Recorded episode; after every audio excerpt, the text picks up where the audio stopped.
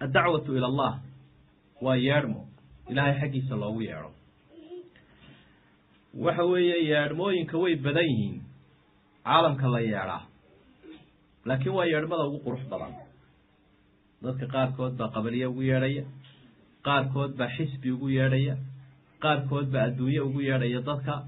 Qaarkood baa waxaa aragteen la yaabka badan ee foolxumada ah dadka ugu yeedha ee dee halkan ummadaha la nooshiin ay marar badan ku yeedhiyaanay ka dhawaaqaan ee akhlaaq ee akhlaaq xumo iyo qiyam xumo leh. Laakiin qofka ilaahay intuu af intuu afka kala qaaday ilaahay xaggiisa dadka ugu yeedhaya. Ama ummadiisa iyo ummadaha kaleba saxaya ee jihaynaya kaasaa ugu qiimo badan qowlkiisa iyo yeedhmadiisa. Ilaahay baa wuxu uhi waman axsanu qawla miman dacaa ila allahi wa camila saalixan wa qaala inanii min almuslimiin waman axsanu qawlan yaa ka hadal wanaagsan miman dacaa ila allah qofka ilaahay xaggiisa dadka ugu yeedhay ee meel kasta oo uu joogaba hadaf iyo risaalad xambaarsan uu kaga wakiil yahay nebi maxamed calayhi salaatu wasalaam oo ambiyada soo khatimay diintaa iyo risaaladaa dadka ugu yeedhaya iyo dawadaa markaasaa wuxuu leeyahay maxay wa qaala inanii min almuslimiin yactazu bidiinihi wa biislaamih kama faanayo islaamkiise wuu ku faanaya markaasaa wuxuu leeyahy wa qaala inanii min almuslimiin anigu waxaan ka mid ahay dadka muslimiinta ah ka mid ahay ilaahay wuxuu igu nicmeeyey inaan ka mid ahay dadka muslimiinta ah taas waxay tusinaysaa walaalayaal inuu qofkaasi mabdi'iisana ku kalsoon yahay naftiisana ku kalsoon yahay dadkana la jecel yahay waa nasiib daro haddii dadka muslimiinta ay ammaanta ama iyadoo xoog laga adkaaday ama dhaqaale laga adkaaday ama cilmi inay ka gabbadaan islaamkooda. Oo qofkii islaamkiisa iyo inuu ku faano iyo inuu sharaf ku raadiyo diintiisa. Hadduu ka gabbado dee aayaddaa wuu weydaartay. Naftiisiina kumuu kalsoonaanin mabdi'iina kumuu kalsoonaanin marka qiimaha ay leedahay qofku marka uu ku kalsoon yahay diintiisa iyo mabda uu nebi maxamed ka dhaxlay calayhi salaatu wasalaam iyo iyo xaqa iyo qur'aanka iyo xadiidka. Ammaantiisaasuu leeyahy ilaahay u halkaa ku xusay. Waxaa kaloo ku qadarinaya ummadaha. Ummadaha ku qadarinaya. Waxaan filayaa taa inaa idinku tusaalayaasheena tusaalayaasheeda wax badan ka aragteen.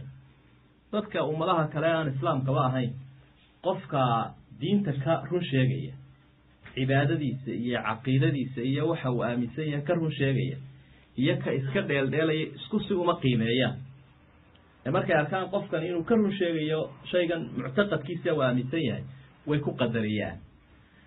Quluubta addoommahana dee ilaahay baa haya. Alquluubu biyadi illaahi yuqalibuhaa kayfa yashaa. Adigu haddaad ilaahay iska dhisto adigoo isaga iyo manhajkiisa iyo diintiisa ku kalsoon iyo islaamka dee kan gaalkaa laftiisa ee aada wax ka rajaynaysa ama wada shaqaynaysaan ama wax kaaga xidhmeen qalbigiisu gacanta ilaahay buu ku jiraa marka waa hubaal inuu jahaynayo. Taasina waa mid ay tahay inaad ku baraarugsanaasaan midda kale walaalayaal xilkaasi. Inaanu culimada qura saarnayn iyo qofka kitaab yaqaano un waxa weeyaan arrin ay u baahan tahay in la ogaado. Xilkaasi culimada qura ma saarna laakiin waa xil caama. Ilaahayna uu kala xisaabtamayo qof kasta oo inuu ka qayb qaato awood u lahaa maalinta qiyaamaha. Wuu kala xisaabtamaya markuu rabbi la hadlayeyna ummadoo dhan buu arrintan kala hadlay. Koox qura iyo culimo qura iyo madax qura kalama hadal. Ilahay baa wuxu uhi kuntum khayra ummatin ukhrijat linnaasi ta'muruuna bilmacruufi wa tanhawna cani lmunkar wa tu'minuuna billah waxaa noqoteen baa ilahay uhi dad kuwa ugu khayr badan ayaa noqoteen caalamkan loo soo saaray yaa lala hadlaya macnaha khitaabkan sida tooska a ilahay wuxuu ula hadlayaa ayo ummaddii kuntum khayra umma. Ummad kuwii ugu khayr badnaa baa noqotay. Ummadaha caalamka loo soo saaro. Sababtiina ilaahay waxa uu ku sheegay wanaaggana dadku way isfaraan xumaantana way isu diidaan. Waa sibqa sibqat allah waman axsanu min allahi sibqa. Waa arrin dheeraadahoo ilaahay ummaddan uu siiyey. Fadlina ay ku yeelato. Marka dee qofku inuu ka qaban maaha. Sababtay ummaddan nebi maxamed calayhi salaatu wasalaam ammaantaa ku yeelatay oo inuu qofku jeceliyo wanaagga uu ku sifaysan yahay dadkana uu gaadhsiinayo macnaa dawadiibuu isagu qaato o ku caafimaaday dadkana wuu gaadhsiinaya arrintaasi waa arrin ummaddani ay ku ammaanan tahay. Waa dacwaddii weeye marka inuu qofku ka qado maaha walaalayaal dacwaddaas kolley waxay u baahan tahay dee usluubkeeda iyo xikmaddeeday u baahan tahay. Taasaa ilaahay uu tilmaamay qofku marka uu dawada dadka gaadhsiinayo sida dhakhtarkuba uu ugu muslaxo dadka dawada sida uu qofka ugu sabaaleeyo habka uu u liqsiin lahaa dawada ee ugu sahlan taasi baa laga maarmaana dacwadduna inay yeelato. Markaasaa ilahay wuxu uhi udcu ilaa sabiili rabbika bilxikmati waalmawcidati alxasana wajaadilhum bilati hiya axsan. Ina rabbaka huwa aclamu biman dalla can sabiilihi wa huwa aclamu bilmuhtadiin. Waa marxalado ay dacwaddu marayso. Udcuu ilaa sabiili rabbika. Dadka qaar ba intaasi anfacaysa dadka dacwadda gaadhsiiya. Oo ha ugu yeedhi meel kale ilaa sabiili rabbika ugu yeedhi. Ilaahay waddadiisa inay soo maraan. Waddada ilaahay waa dee waa islaamka si ay jannadiisa u gaadhaan iyo raali noqoshiisa.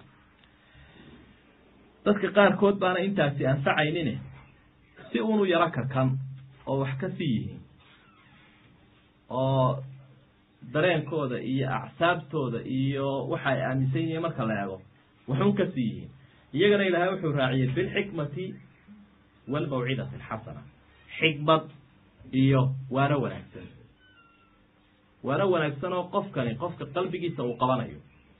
Oo sideedaba waxaa la yidhahdaa qofka bani aadamka ah in qalbigiisa la qabto ayaa ka qiimo badan in jirhkiisa la qabto. Lidalik islaamku wuxuu ku dadaalaa dadka quluubtooda in la hantiyo. Qaalamkooda iyo jirhkoodoo la qabtaa macna samayn mayso sidaa daraaddeed baa diinteennu dadka caalamka ku nool marka la gaadhsiinayo laguma qasbo qofka. Laguma qasbo. Xataa gaalka laftiisa marka lala jihaadayo macnaheedu maaha in la qasbayo diintii dhakada laga gelinayo. Qasab maskaxda laga gelinayo ma aha. Waa laa ikraha fi diini baa ilahay uri taa. Laa ikraha fi diin. Nebiguna calayhi salaatu wasalaam markay gaalada u yimaadaan islaamku u bandhigi jiray. Xataa mid isku daya inuu nebiga dilo oo dilkiisa u yimid ayaa ilaahay uu fashiliyo rasuulka loo sheegay. Markaasuu yihi hebela waxaad u socotay inaad i disho. Markay arrintii ka fashilatay kadibna wuxuu u bandhigay islaamka. Uri war haddaba wixii aad doonaysay waa fashilmay oo ilaahay baa eegeysiiye ana rasuulkii ilaahay baan ahaye dee iska islaam. Meema islaami karaya iga daawi bal waayo orad iska tag bu akhlaaqdaa wanaagsane macaana nebigu uu kula dhaqmay inuu xagga dambe ka islaamo ayay sababtay waxaynu taa uga jeednaa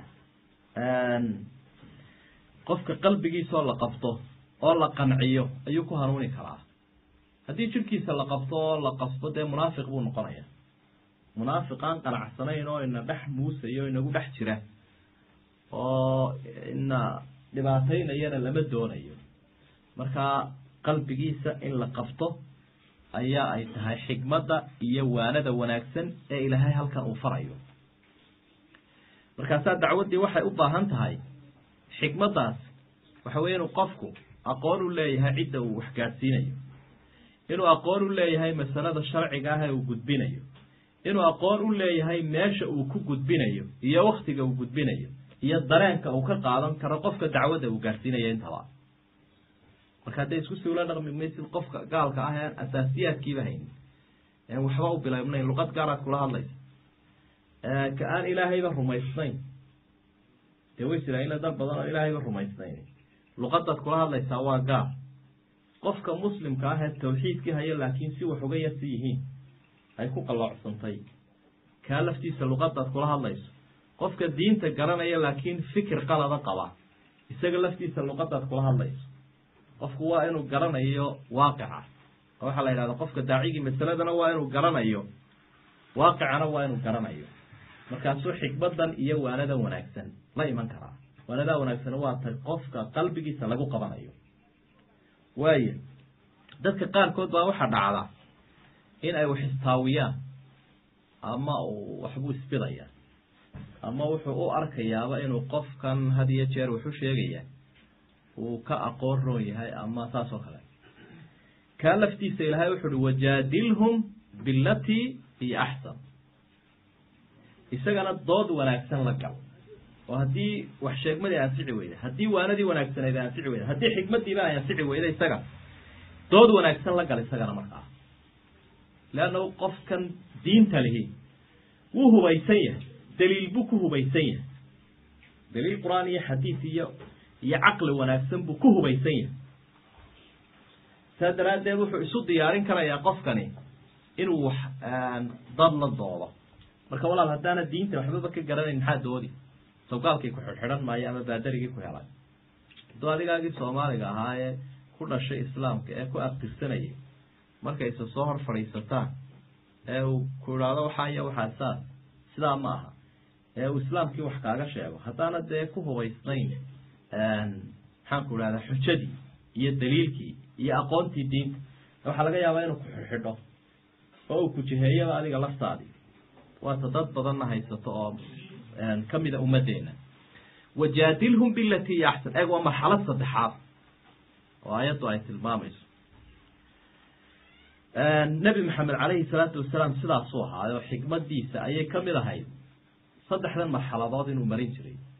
Nin la ydhaha cadiy ibnu xaatim atai ayaa wuxuu ka mid ahaa dadkii carabta ahaa ee kiristanka qaatay. Rasuulku u yimi sala allahu calayhi wasalam nebigu waxuu kala dooday waxaanu aaminsan yahay oo islaamku ugu yeedhay islaamka anigu dee diintaada iska haysa bui ana kiristankaygaan haysanaya sida in fara badan aa ka maqashaan dadka aan la nooshin ama ummadaha kale. Marka rasuulku sala allahu calayhi wasalam dacwaddii u fidinaya marxalado badan arrin dhowr arrimood bay soo martay laakiin waxaan uga jeedaa ninkii wuxuu wax uga sheegay diintiisi wuxuu ihi anigu anaa kaa aqaana kiristankaad sheegaysa iyo bibaleka miyaanu sidaa iyo sidaa iyo sidaa odhanayn. Maya waa odhanayaa buuri miyaanu bibalku xaaraantinimeyneynin waxa aada qaadata ee laaruushka ah ee wadaadadiina kiristanku qaataan. Maya waa xaaraantinimeynayaa buuri miyaanad ka tirsanayn buuri qolada rukuusiyada la ydhaahdo waa firqad kamida nasaarada. Maya waan ka tirsanahay buuri dee bibalku ma ma xalaaleynaya buuri taa markaa adigu halkaa dee xaaraan baad ku jirtaa. Waa wuu qiraytaan oo waa isdiiday siduu u sii waday nebigu wuxuu ihi waxaan ogahay waxa kaa hor jooga islaamka. Waxa kaa hor jooga waxaad is leedahay nebigan iyo intan carabta ah ee la socoto diintiisa hore u sii socon maysa ee dad oo dhan baa ku soo jahaysano.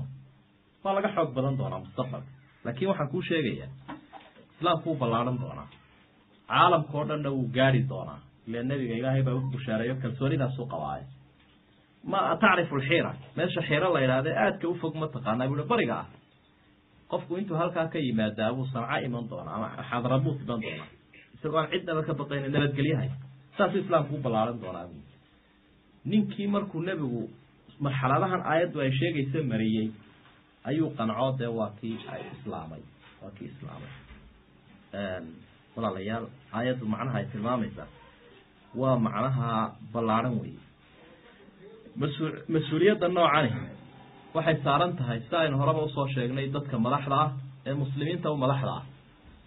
Inay dacwadda xil weyn iska saaraan oo dadka waxay uga mas'uul yihiin. Waxa kow ka ah diinta ilaahay iyo duunyadooda iyo dalkooda. Marka diinta faafinteeda iyo dadka gaadhsiinteeda iyo barideeda iyo ka dhaadhicinteeda marka u horreeya iyagay saarantahay sidaa daraaddeed baa imaamkii weynaa raximahullah ee cumar bnu cabdilcaziiz waxau ahaa sanadihii hijiradu boqol meelaha ay ahayd uu madax u ahaa dadka muslimiinta ah uu u talinayay. Cadaaladiisii iyo dhaqankiisii wanaagsanaa. Nin cumar bnu khadaab lagu xusuustaabu ahaa wuxuu la hadlayay maxamed ibnu shahaab azuhri iyo raggii cilmiga badnaa wuxuu lahaa war diinta dadka gaadhsiiyo masaajidka ka soo saar oo dadka bara diinta cilmiguna marka uu meel qarsoon galo ayaa dadka uu ka lumaaye cilmigu ha baaho ee dadka o dhan wada gaadhsiiya. Mas'uuliyaddani waa taa weeye tuu nebigu leeyahy alimaamu raacin wa mas'uulun can raciyati. Imaamka iyo mas'uulku waxaa la weydiin doonaa raciyadiisa iyo waxa ay u baahan yihiin oo diinta kow ka tahay. Waxa ay waxa ku xiga oo markaa iyagana la weydiin doonaa ululcilmi min almuslimiin aladiina akhada allahum lmithaaqa bibayaani bibayaani اdiin wاlcilm mar labaad dacwaddan waxaa la weydiinayaa qofka aqoon u leh islaamka islaamka qofka aqoon u leh ee wax gudbin kara isaga laftiisa ammaanada miyuu la dhaqdhaqaaqayo dabaduu gaadhsiiyo guduhu gaadhsiiyo ragguu gaadhsiiyo dumarkuu gaadhsiiyo ise uu la fadhiistay oo sida maktabadaa cilmigu ku jiro oo kale ayuu la fadhiistay isaga laftiisana waa la weydiin doonaa ilaahay baa wuxuu ihi waid akhada allahu miisaaqa aladiina uutuu lkitaaba latubayinunahu linnaasi walaa taktumuunah ilaahay baa wuxuu ballan kaga qaaday dadkii kitaabka la siiyey kitaabkii hore iyo kanba. Latubayinunahu linnaas walaa taktumuunah war kitaabka dadka u caddeeya haka qarinina abi hurayra cabdiraxmaan bin sakhr dawsi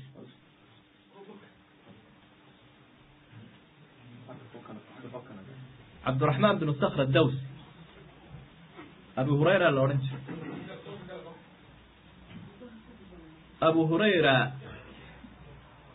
sida la ogsoon yahay dee wuxuu ahaa ninka asxaabta ugu xadiid badan xagga sheegidda marka la eego.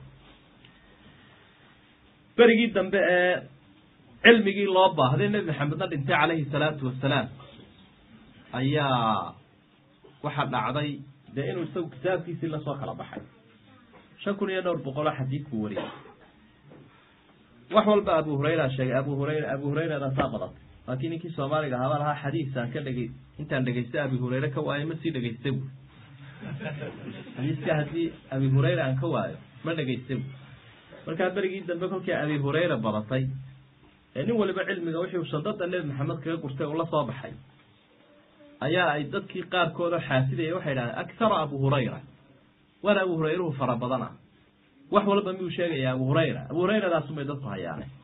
Arrintii baa ku soo noqnoqotay waa kii dhaartee wuxuu lahaa haddii aanan aayaddaa ka baqayn waxba ma sheegeen. Sida i idaacadiyeen iyo siday wax iiga sheegeen aayaddaa qur'aanka ah ee ilaahay uri kitaabka dadka u caddeeyo ha ka qarinina ballanta uu kaga qaaday dadka. Aayaddaasumaan isleeyahy bui waad ku fashilmi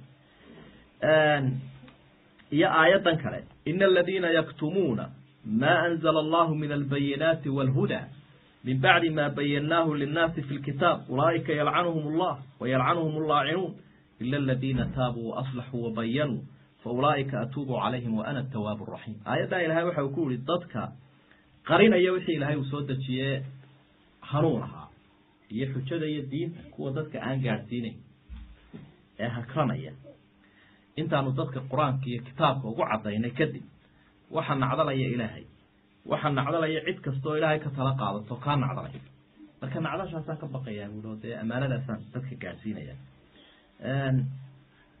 waxa markaa halkaa berber yaalla nebiguna calayhi salaatu wasalaam ummadda aada buu guubaabiyey dawadan iyo nicmadan iyagu ay haystaana ilaahay ugu nicmeeyey. Inaanay keligood ku egaana gaalada gaadhsiiyaan oo caasiga gaadhsiiyaan oo caabudka gaadhsiiyaan oo islaamka ay u isticmaalaan aqoontooda iyo dhaqaalahooda see u faafin lahaayeen markaasaa nebigu waxa uu xusay qofka ammaanadaa wax laga weydiiya hagrada inuu ayaan daro badan leeyahy man su'ila can cilmin fakatamahu uljima yowma alqiyaamati bilijaamin min naar. Qofka cilmi la weydiiye qariya ee dadka gaadhsiin waaya maalinta qiyaamaha xakama